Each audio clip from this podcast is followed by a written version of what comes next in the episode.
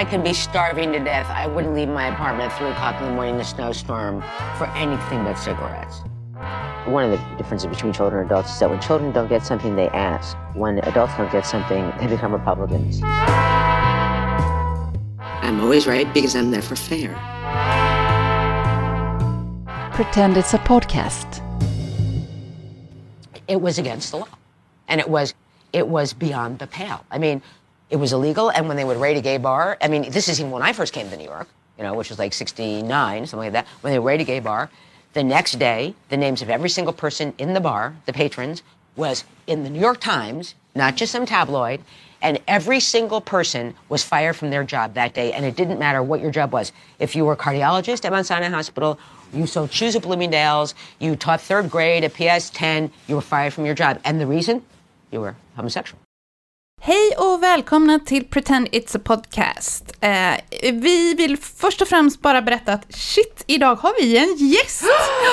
Wow! Och hon är professor i litteraturvetenskap på Göteborgs universitet med fokus på hur lesbiska relationer skildras i litteraturen historiskt. Hon har jobbat på Nationella sekretariatet för genusforskning. Eva Borgström, tack för att du har tagit dig hit. Idag ska du agera lesbisk expert här. Man får ju tacka för den äran. Det är vi som ska tacka. Ja, det är helt otroligt Ja. att du kan ställa upp för detta. Och det, vet du vad, Anneli? Eva sa ja innan hon hade lyssnat på vår Det är helt otroligt. Så hon liksom visste nog inte riktigt vad hon gav sig in på. Men eh, nu har hon lyssnat, så nu är hon lite beredd tror jag. Men man måste ju ge sig in på saker även om man inte riktigt vet vart, Precis. vart man ska. Nej, Annars blir man ju aldrig överraskad. Nej, det är sant. Och vi kommer snart till varför du är här just idag. Ja, Men, eh, förutom vi... att vara lesbisk expert. Ja, ja alltså. precis. Mm, Ja, förutom eller på Ja. grund av. Ja. Ehm, det här är ju sjunde avsnittet. Herregud. Wow. Var inte jordens underverk sju? Men jag tänker att det var väl Ja, det. men det var Ja. det. Så, nej, vi vill ju inte sluta efter detta i och för sig. Nej. Eh, Det har ju varit väldigt roligt allting och det, Ja. tiden går så himla fort. Och vi vill också be om ursäkt för att det har dröjt lite med det här avsnittet, men ja, Pandemin kom emellan. hashtag livet liksom. Precis. Eh, ja. Ja. Eh, idag ska vi i alla fall prata om Fran och lesbiskt liv. Och vi ska prata gay life generellt och vilken påverkan de homosexuella har haft på kulturlivet enligt Fran. Och då såklart främst i New York.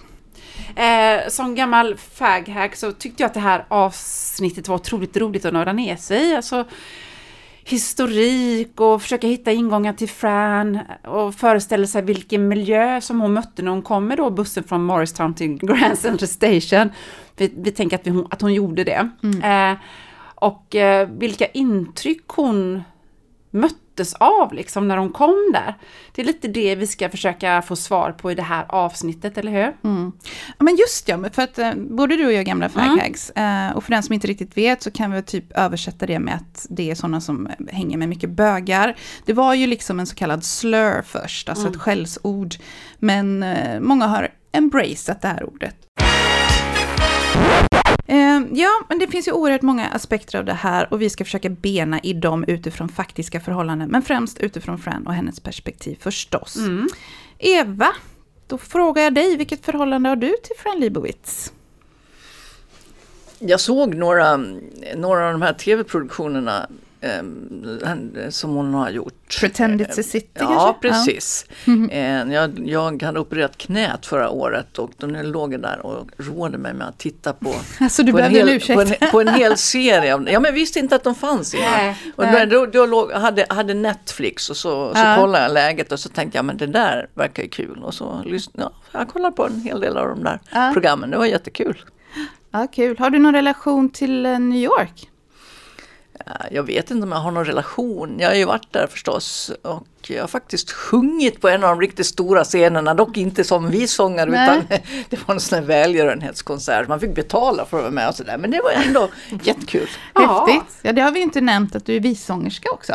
Mm. Eva Borgström, Spotify. Då längtar jag efter dig Eh, nej men, jag tänkte först att vi ska börja närma oss Fran eh, och ringa in vilket samhälle som det var i New York där på 60, 70, 80-talet främst. Så vi börjar då i Morristown, Anneli. Ja, vi gör ju det för att eh, det var ju där hon växte upp då i New Jersey. Eh, och eh, hon är alltså 12 år, Fran, eh, och hon, eh, eller hon, hon eh, blev förälskad i sina flickkompisar, tjejkompisar och eh, förstod väl att hon eh, var lesbisk. Hon har berättat att hon kommer ihåg exakt tidpunkten när hon kom på att hon var lesbisk. Eh, det är när hon sitter på bakgården och så läser hon och det var inte något lesbiskt utan det var väl att tanken bara seglade iväg. Hon tänkte att ja, jag antar att det finns något, något sånt som lesbiska och jag antar att någon måste vara det. Men varför måste det vara jag? För hon, hon då, 12 år gammal, förstod att hon skulle vara tvungen att lämna den världen som hon levde i. Att, det var, att hon inte kunde verka som lesbisk i den världen och hon tyckte om att vara i den världen. Och jag tänker att det är en sån svintuff eh, insikt att vid 12 år fatta att jag kommer inte kunna leva ut den jag är här. Eh, och på den tiden så, så fanns det liksom ingenting som hette lesbisk. Eller det fanns ju det. Eh, men det var ingenting man såg och det var ingenting man kom i kontakt med. Eh, och om Fran inte hade varit en sån bokmal har hon sagt eh, så hade hon aldrig förstått att det var det hon var. Och kvinnor, eller i synnerhet kvinnor, kvinnor säger hon, som inte läste så mycket och som kom från kulturellt mer eftersatta platser än hon gjorde, trodde att de var ensamma i världen om att känna som de gjorde och det var ganska vanligt har hon sagt att man kände så. Men då tänker man ju att hon, hon har läst då mm, böcker och gjort den här upptäckten. Eva, vilka, vilka böcker tror du hon, hon läste? Alltså, och hur beskrivs lesbisk kärlek i litteraturen? Ja, alltså, nu blev det väldigt många frågor på en Ja, gång. Jag ja, tänkte bara bena, sådär, bena. den där känslan som hon hade att hon var ensam i hela världen och jag kan inte bo kvar här om jag ska vara sån som jag, som jag inser att jag är. Den upplevelsen har hon ju delat med hela sin generations eh, homosexuella kvinnor och män. Det, Mm. det, det har hon gjort. Hade du det också så?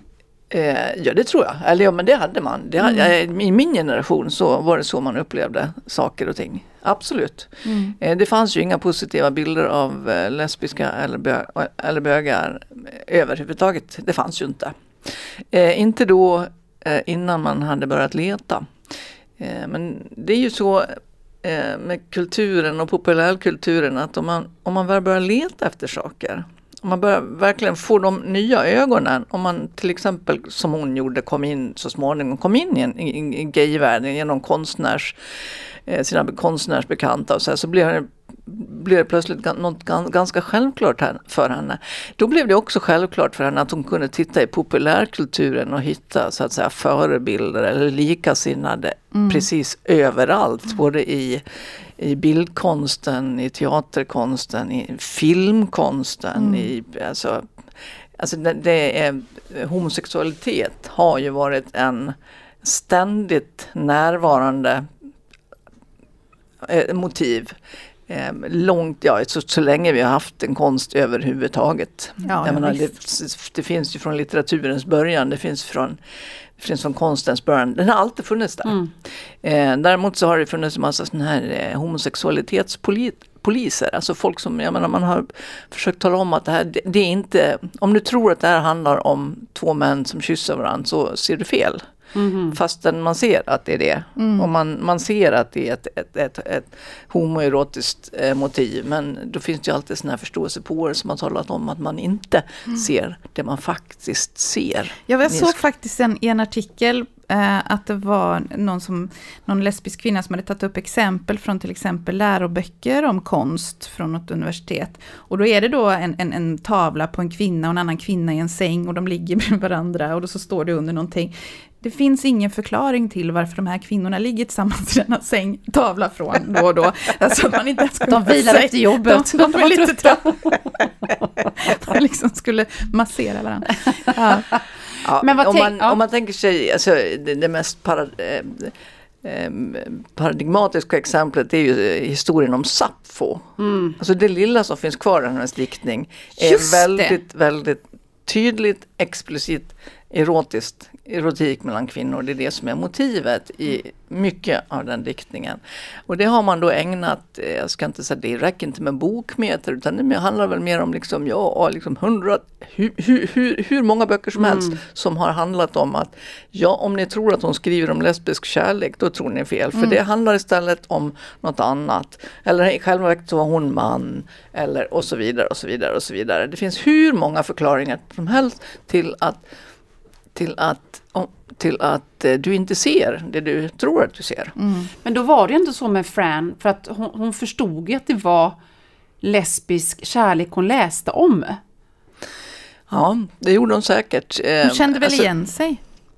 eh, Inte minst så kände hon naturligtvis igen sig för, för det, alltså det är ju en djupt homofob kultur. Så det är klart att de homofoba föreställningarna, de möttes hon väl av. Även om folk kanske inte visste att, hon, att det gällde henne så har hon naturligtvis hört, hört sådana saker eh, slängas efter andra människor. Mycket. Man, Homofobi känner man ju till. Man vet ju att det är förbjudet. Det vet ju barn sedan de är ganska små. Um, hello? Hello? Hello? Kan man säga när som lesbiska författare började skriva om lesbiska erfarenheter då? Uttalat att det fick också vara det. Alltså, nej, det kan man inte säga. För det, jag, jag tror att de alltid har gjort det. Ja. Alltså, jag pratade om Sappho förut, men det finns ju hos Fredrika Bremer, det finns hos eh, Karin Boye, Harriet Löwenhjelm, eh, Edith Södergran, eh, Agnes von Krusenstjerna, och för nu ta de svenska exemplen. Men det är ju samma sak om man tittar i andra, i andra kulturer också. Inte minst den här modernismen var ju väldigt mycket eh, lesbiska kvinnor inblandade i, och bögar. Alltså, eh, homosexuella har alltid varit eh, väldigt framstående inom kultur. Inom ja, alla slags kultur. Ja, verkligen. Det, det pratar ju Fran väldigt mycket om. Mm. Och där har det kanske inte varit lika förbjudet heller. Utan där har man, eh, Mm. Där har man väl kanske haft en lite öppnare attityd. Ja, men och särskilt densitet- eftersom väldigt många homosexuella eh, konstnärer faktiskt var de bästa konstnärerna. Så har det liksom hjälpt till. har det hjälpt till liksom att, att, att eh, Hon har ju de har blivit om här ju. Ja, accepterade. ja. Men densiteten av homosexuella var ju, mm, säger man högre, tyngre, större i alla fall i, i, i konstvärlden. Så att då är det klart att det är mer accepterat och tolererat eh, i den miljön. För det var ju, och, och hon, hennes teori, teori är ju att det kommer, alltså att konst, kultur behöva uttrycka sig kommer ju ofta ur förtryck. ja. Eh, ett behov av att hävda sig, att synas och bli bekräftad. Och det Ja, kommer... inte bara, men vi pratar ju om det lite längre om, Ja. om en liten stund. Ehm, så kommer vi återkomma till just det som hon har tankar kring. Liksom, att just det med periferi, centrum och ja. Eh, klimatet som rådde då under 50 och 60-talet i USA, det var ju inte direkt härligt som vi har pratat om. Det var direkt farligt att leva som homosexuell i USA då, helt Ja, enkelt. och, och Fran beskriver ju det i dokumentären Public Speaking då, från 2010. Eh, I det citatet som vi spelar här i början, eh, så var ju förföljelsen av homosexuella fortfarande extrem när hon kom dit eh, 1969 till 70 ungefär. Det var olagligt att vara gay. När de raidade en gaybar så var allas namn i New York Times nästa dag. Alla blev av med sina jobb. Anledningen var att du var homosexuell. Och man försökte alltså inte ens dölja varför de blev avskedade. Det var helt öppet. Det var inte så att de bara, nej du... Du, Du fyra arbetsbrist, gånger, ja. någonting, utan de bara, du är homosexuell, Ja. du är avskedad. Men jag tänker, ni, ni säger så här att ja, det var farligt att vara homosexuell då. Ja, det var det. Jag tror att hon växte upp i den mest homofoba tid som, ja, som vi kan tänka oss. Alltså 40-50-talen var ju djupt homofoba. Men om man tittar lite längre tillbaka i historien, alltså 1920-30-talet, då var det helt andra, en helt annan kultur som gällde. Alltså, Hur var det då? Som, ja, men en sån där, en sån där eh, underbar eh, eh, eh, människa som Mae West. Det kryllar ju av liksom, om queera inslag Mm. i, i de eh, i hennes filmer. Och hon gjorde scenshower när hon, som öppet handlar om homosexualitet. Just det gjorde det. hon. Eh, och det fanns, ju, det fanns ju mängder sånt i, i, i liksom den här eh, Some Like It Hot. Den kommer ju från 50-talet där för mig. Det är Mm. Ja. också en härligt queer, queer film som faktiskt slutar lyckligt. Ja. Eh, nej men det fanns ju på, på 30-talet, 20-talet så fanns det ju en mycket större öppenhet. Jag vet att den gjorde det i Europa, i, i Berlin till exempel. Ja, ja. I Berlin så fanns det, på, på 20-talet så fanns det någonstans mellan 20 och 30 tidskrifter på tyska.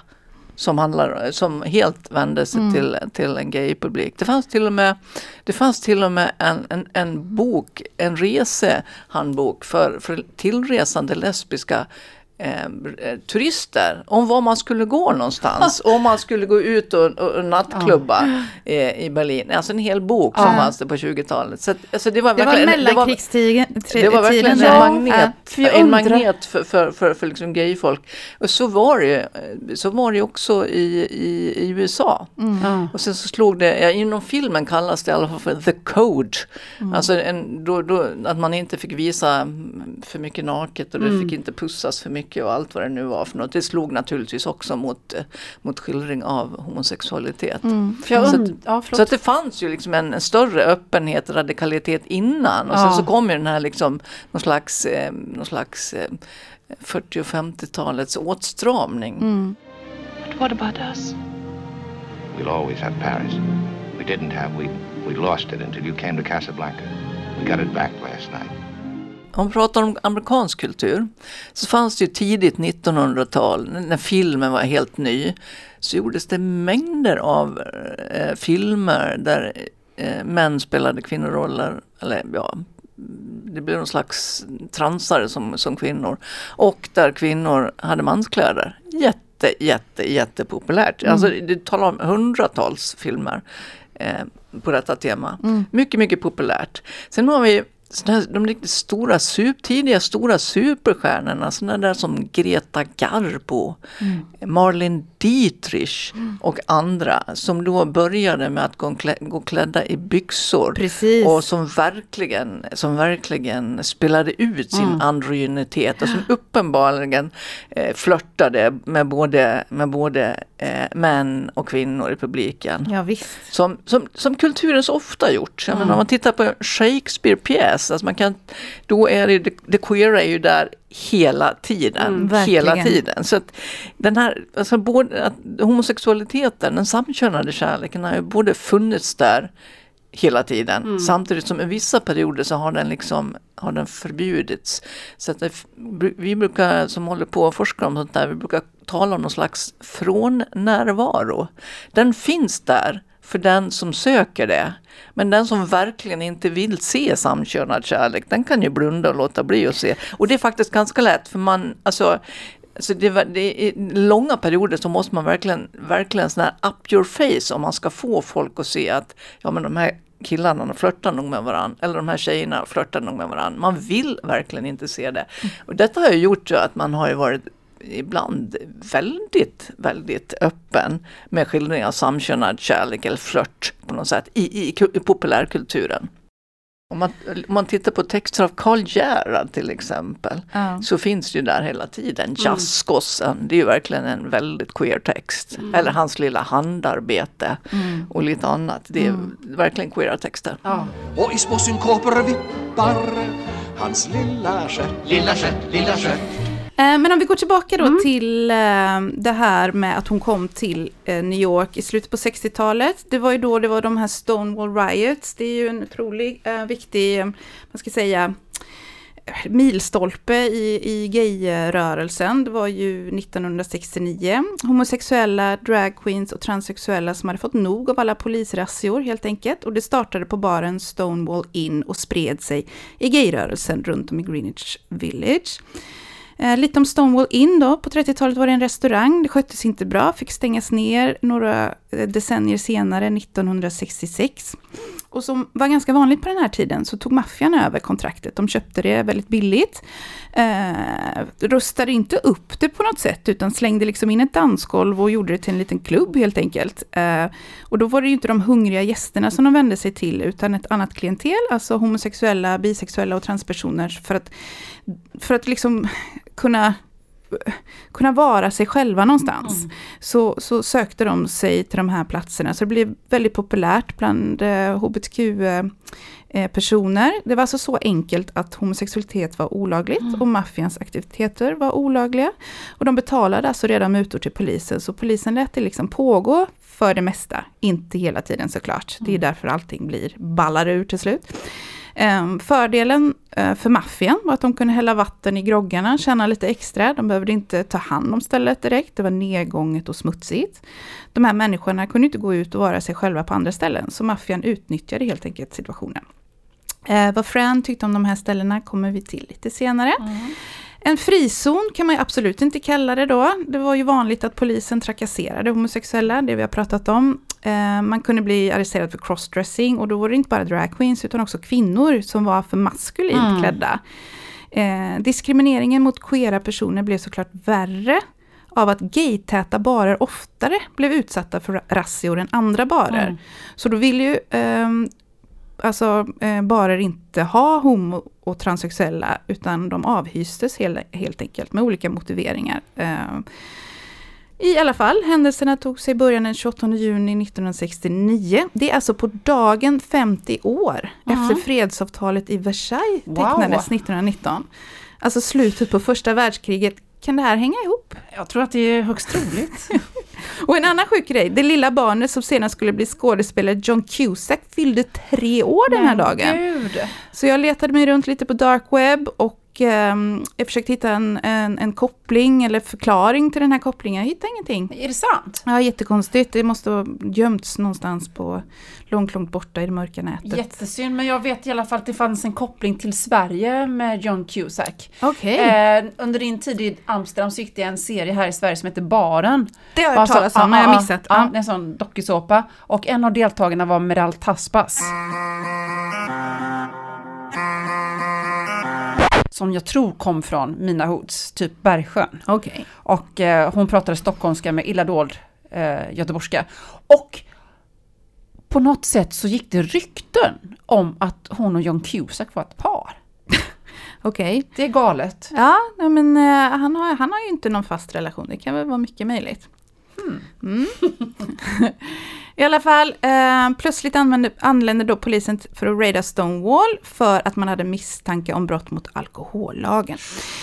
Och denna gång så gjorde då alltså klubbesökarna motstånd genom att kasta mynt på poliserna så att de kände sig tvingade att söka skydd. Gästerna övergick då till att kasta flaskor istället. Fler och fler människor anslöt sig till demonstrationen och man uppskattar faktiskt att det var typ tusen personer som deltog.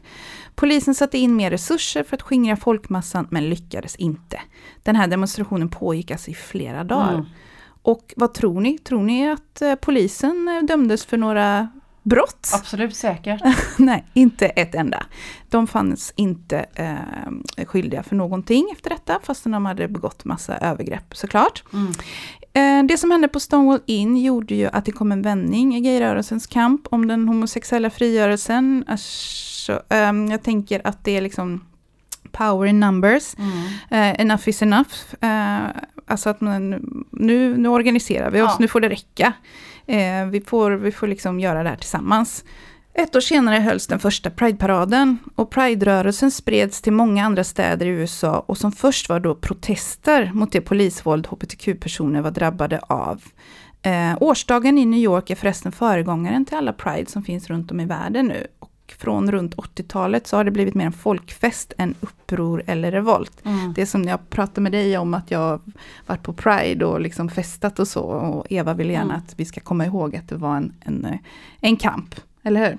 Ja, absolut var det en kamp. Men sen är det bara att konstatera också att när, när, när gayfolket har festat så har det ofta varit så kul så det har ju verkligen dragit, det har ju verkligen dragit till sig eh, den heterosexuella publiken också. Så, att, eh, så att det är klart att det blir så med Pride. Alla tycker det är kul, alla vill vara där. Fanns det något motsvarande Stonewall i Sverige? Eh, en riktigt stor, sån här, eh, en riktigt stor eh, vattendelare var ju när folket satte sig på i, i Socialstyrelsens trappa. Eh, det var väl ja, på slutet på 70-talet. Eh, och ville prata då med folket där om att man skulle slippa vara sjuk det var en del människor som, som, som då redan hade tagit det här med sjukdomsstämpeln på all, allvar som faktiskt ringde till Försäkringskassan och sa jag kan tyvärr inte komma till jobbet idag för jag är homosexuell. Just det, det här kommer jag Och ihåg. jag är faktiskt ganska kär så det finns ju risk att det, det kan ju lika gärna... Du kan väl, du kan väl kanske skriva in, du kanske, kanske ska skriva in mig några, några månader för innan dess tror jag inte att jag kan gå till jobbet. Jag vet inte hur många det var som gjorde det men jag vet att det fanns Ja. folk som faktiskt gjorde det. Eh, och den där eh, sitt-innen där i Socialstyrelsens trappa det, var, det innebar i alla fall att sjukdomsstämpeln försvann och det var en sån där första framgångsrik eh, sån manifestation som kommer att, eh, ja, som kommer att bli eh, början på, på, på alla de här eh, reformerna som sen har kommit till och som gör att homosexualitet idag är eh, formellt sett jämställt. Mm, mm. Det tog, tog några decennier men nu är det klart. När, när du kanske inte, nu vill jag inte liksom sätta dig på pottkanten här, men när blev det, eh, när var det illegalt att vara homosexuell i Sverige? Olagligt? Ja, fram till 1944. Okej, så att vi var ju ganska tidiga då, för att eh, jag sitter här och tittar på, eh, gör lite så research on the fly här, eh, om när det... Det var 78, det var sent. Men det var olika, olika Stater, stater, eller? såklart. Men decriminalized fram till 1980. Eh, till och med ja, i USA. Så att de är ju med, alltså, lite senare än oss där då. Ja. Nu tycker jag att vi har pratat superlänge så det här får nog bli två avsnitt. Ska Det får vi- bli två tror jag. Är Ja. det okej med dig Eva? Kan du tänka dig att komma tillbaka? Det får jag göra. Ja, det tycker jag. Vi har mycket to unpack här. Eh, så tack för att ni lyssnade. Ja, tack för att ni lyssnade. Det blir ingen sån här, sån här rolig sketch Det eller är ingen någonting. sketch Men, idag, eh, ni, ni, ni, ni slipper det, eller slipper, ja. man ska säga ni, ni får, får vara utan det Ni får vara enkelt. utan, Ja. men maybe next time. Maybe next time. Eh, puss på er. Och kom ihåg var vi finns någonstans på alla sociala medier, Onlyfriends och allting sånt där. Ja. Och tack Eva. Tack Eva. Tack, tack. Hej då. Puss puss, hej hej. Hej.